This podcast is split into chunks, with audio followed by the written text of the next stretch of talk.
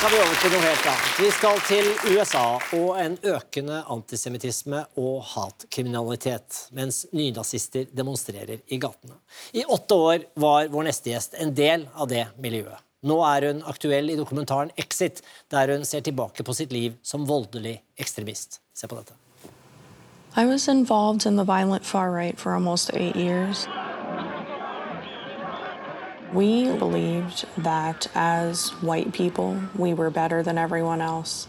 We truly believe that there is a conspiracy that exists against the white race. Angela King, welcome to Scandinavia.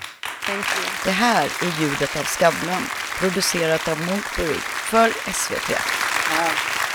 Back in, back in 1998, you were a part of a neo-Nazi group and you were arrested for hate crimes Yes. And imprisoned for three years. Yes. And prison would change everything for you. How did that happen? Well, I walked into prison at the age of 23, thinking that I was going to spend whatever time there with my back against the wall. You know, people were going to attack me because of who I was. And what actually happened there was the furthest thing from what I thought was going to happen. I, uh, in a nutshell, can tell you sitting there one day in a rec, you know, area where women are playing games, there was this woman of color that kept looking at me and she was giving me this eye and I, I was thinking, she's gonna jump me, she's gonna fight me, she knows who I am. And she just looked at me and said, Hey, you know how to play cribbage? And I said, What the fuck is cribbage? Cribbage is a game with a board with pegs and numbers and you, you use it with cards. And that was you know my attitude was to be tough. And she picked up this game and came over and sat next to me and taught me how to play this game. So from you know very early on all my preconceived notions not only of my time there but of other people blown right out of the water. And people know who you were? Was, was that Absolutely. I was involved in a hate crime case that was highly publicized all over the news and the newspapers. So, plus, I had racist tattoos all over my body um, that I, I couldn't cover all of them. So, everyone knew who I was and why I was there. And she still chose to treat me with kindness. you became a part of a bigger group of people from Jamaica, right? Yes. They, for some reason, adopted me, kind of. Um, you know, in the beginning, everyone is innocent in prison. Nobody committed the crime, everyone was framed. So there wasn't a lot of talk about, you know, this is why I'm here, this is what I was charged with. It really was, you know, how an individual acted in that moment as a person, how, you know, people treated one another. And for some reason, um, this group of Jamaican women, you know, that woman was Jamaican. And they, you know, over three years' time taught me so much about what it meant to be a human being. And as they treated me as a human being, I learned to view myself the very same way again. And you even fell in love. I did. I fell in love. It must have been surprising even for you. it was definitely a shocker. um, I know this is going to sound crazy, but being in that prison was the freest I had ever felt in my entire life up until that point. I could be me. I didn't have to be angry. I didn't have to be aggressive. I didn't, you know, f- feel like I had to change or, or be something for other people. And it, yeah, it was a shocker, but it was a life changer. You said you were tattooed with Nazi symbols. Do you still have any? Um, I've gotten almost all of them covered. Um, I do still have a few that are in odd places. Um, for instance, I have uh, something tattooed on the inside of my bottom lip um, that I probably will never get covered up because it's, you know, no one can really see it unless I show them. Or the dentist, I have to give him the disclaimer every time I go, like, please don't judge me for what you see there. When you had that tattoo, who were you then? Let's let's go back. I mean, this was an angry person. Yeah. I was a very angry, confused young woman that didn't know her place in the world, that didn't know who she was, that didn't know she deserved to be loved, that didn't know that she was a human being that deserved to be treated like a human being. What kind of family? You, tell me a bit about it. Uh, What was the, the, the values? My parents were strict. You know, they demanded good grades, very, you know, high grades from my siblings and I. Um, we had a lot of organized religion shoved at us. They were kind of hypocritical. They drank, they smoked, they partied. Um, but also at the same time, from as early as I could remember, I learned racial slurs, stereotypes, homophobic slurs, and very much got the feeling that uh, number one, I was better than some because of the color of my skin, and number two, that I had to fear people who were different in any way. Going to school, did that help you or did it make the anger worse? School cultivated a lot of the anger. I was bullied um, quite a bit. I have struggled with my weight my entire life. From you know very early in childhood, I would gain weight and lose it, and gain weight and lose it. And you know, for some reason, as human beings, we sometimes like to see our fellow human beings humiliated. And I was picked on for wearing glasses, for being overweight, for not fitting in, for having braces, for, you know, not dressing the way my peers did. Um, so being in school and dealing with all of that, um, plus the confusion about my sexuality, this anger just started to build and build and build. How did you respond to, to the bullying?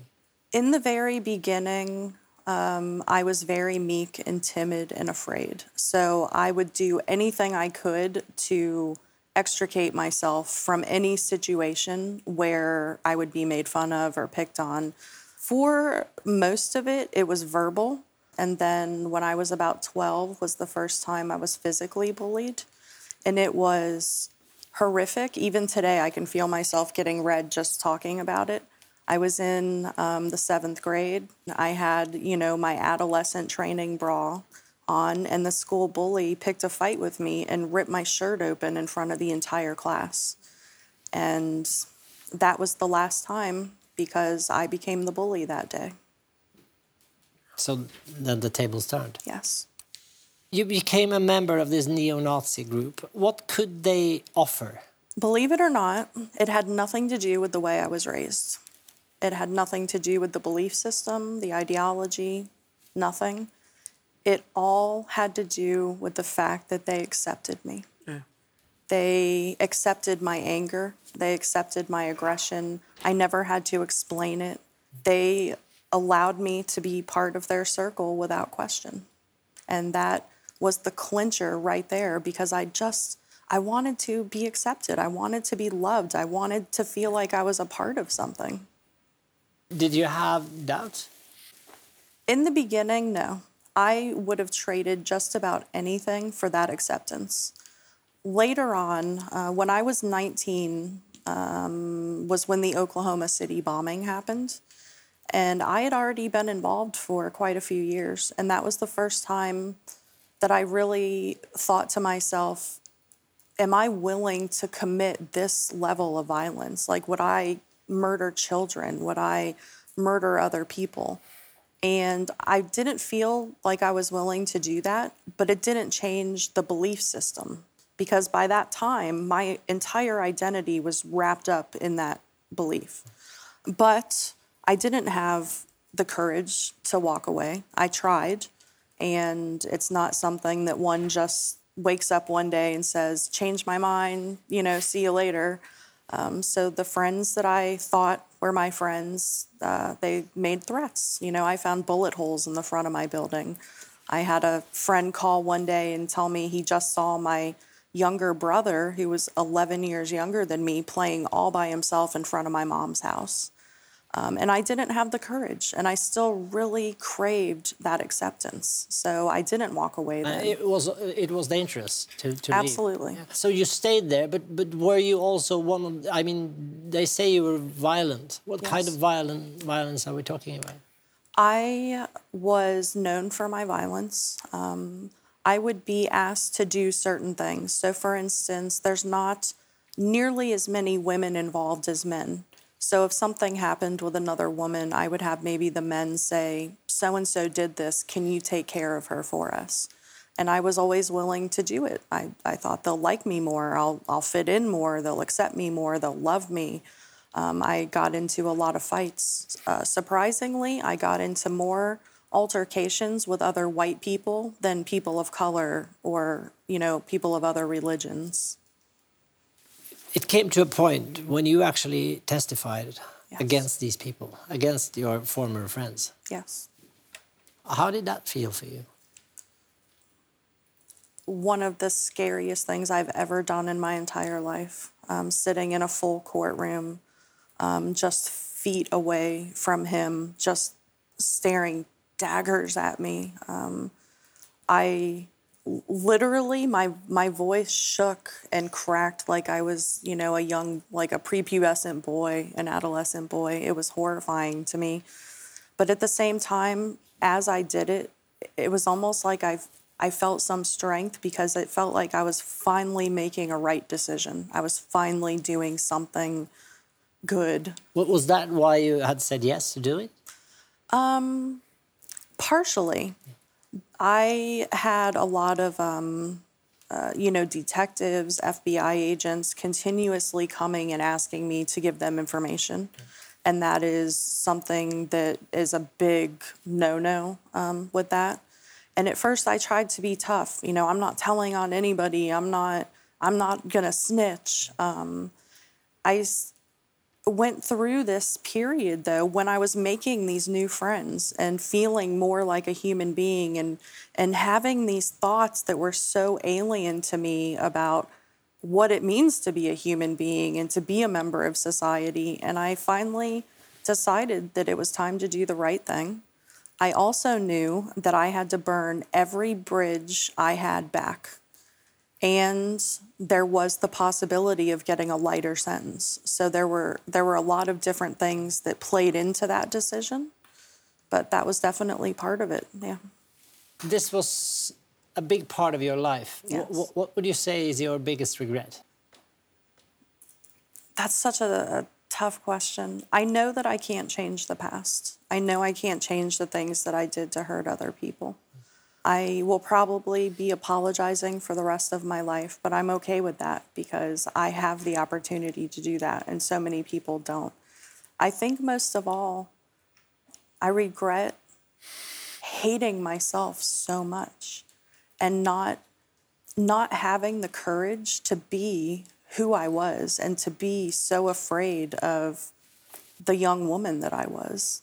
I regret that deeply. Have you experienced forgiveness? I have. I have. I had a few years ago, um, I was contacted by a woman on social media that I had beaten up pretty badly um, uh, at the behest of some of the men. And it's probably going to make me cry. Um, she told me that the night that I beat her up, I beat the hate out of her, and that she forgave me that very night and that that is what brought her out of that life was because she realized that's that's not what she wanted her life to be. And i've seen that when i allow myself to be vulnerable and i take full responsibility you know for everything i did because i am responsible. It doesn't matter you know that i was raised a certain way or i had you know bad things happen to me. That really opens doors to connection you know with fellow human beings so i have been forgiven and it's it's not it's not anything that i could ever ask for it's a gift given freely What about your family? How's your relationship with them today? very different my family is very different now um, my mother she taught me probably more of the racism and homophobia than anyone and she would tell me things when I was young, like, You're my daughter, I'll always love you. You could do anything and I'll still love you, but you better never bring home a black person or another woman. And today, she's the exact opposite. She's my number one fan. She is constantly telling me how proud of me she is for everything that I do today. Um, my siblings, thankfully, uh, turned out Well, um, my father, we do have a relationship. There's still some difficulty there. Um, for instance, you know, a, a- probably a year and a half or so ago, he used a racial slur. In a, uh, you know, I guess he thought it was a joke. It wasn't a big deal, and I had to tell my own father, that's not acceptable. And if you speak like that, we cannot have a relationship. And, you know, I, when I speak with young children or young people, anyone, I encourage them to stand up for others and to raise their voices. And it sure was difficult when I had to do it with my own dad, but it, it has to be done. It has to. Today, you, you help people uh, in, in your former situation, uh, defectors. What, what, what do you say to them? arguing with them doesn't help. um, I liken it to the days when I was a rebellious teenager and I wanted to do the opposite of everything I was told I shouldn't do. Um, and I tried to meet people at their level and remember that I was that person at one point. So for me, I have to start without judging them, which is very difficult. But I also know that, and, and academic research is showing this, people don't just wake up one day and decide they hate everyone. There are underlying issues there. Um, we call them precursors to becoming involved in violent extremism. And it could be abuse, trauma, being bullied, you know, having things like that happen. So when I talk to them, I don't ask them to talk right off the bat. Um, if they're uncomfortable, if they're aggressive, I say, "Can I, can I share some of my experience with you?" And that kind of disarms them a little bit because it's not an automatic lecture. You know, it's not a "you shouldn't do this because of all these reasons." And one of the hardest things I've had to learn to do is to be vulnerable. And when I allow myself to do that, then they can sit there and, and say, that happened to me. And I got so angry and I wanted to hurt other people. And it just, it breaks down walls. So first I listen and try to pick out those, you know, when they do start talking, try to pick out those things that I can relate to and say, I understand too. So that's how we try to start it. it. It's not always successful. You know, we don't have a 100% success rate, but we're doing pretty well. Angela, thank you so much. Thank you.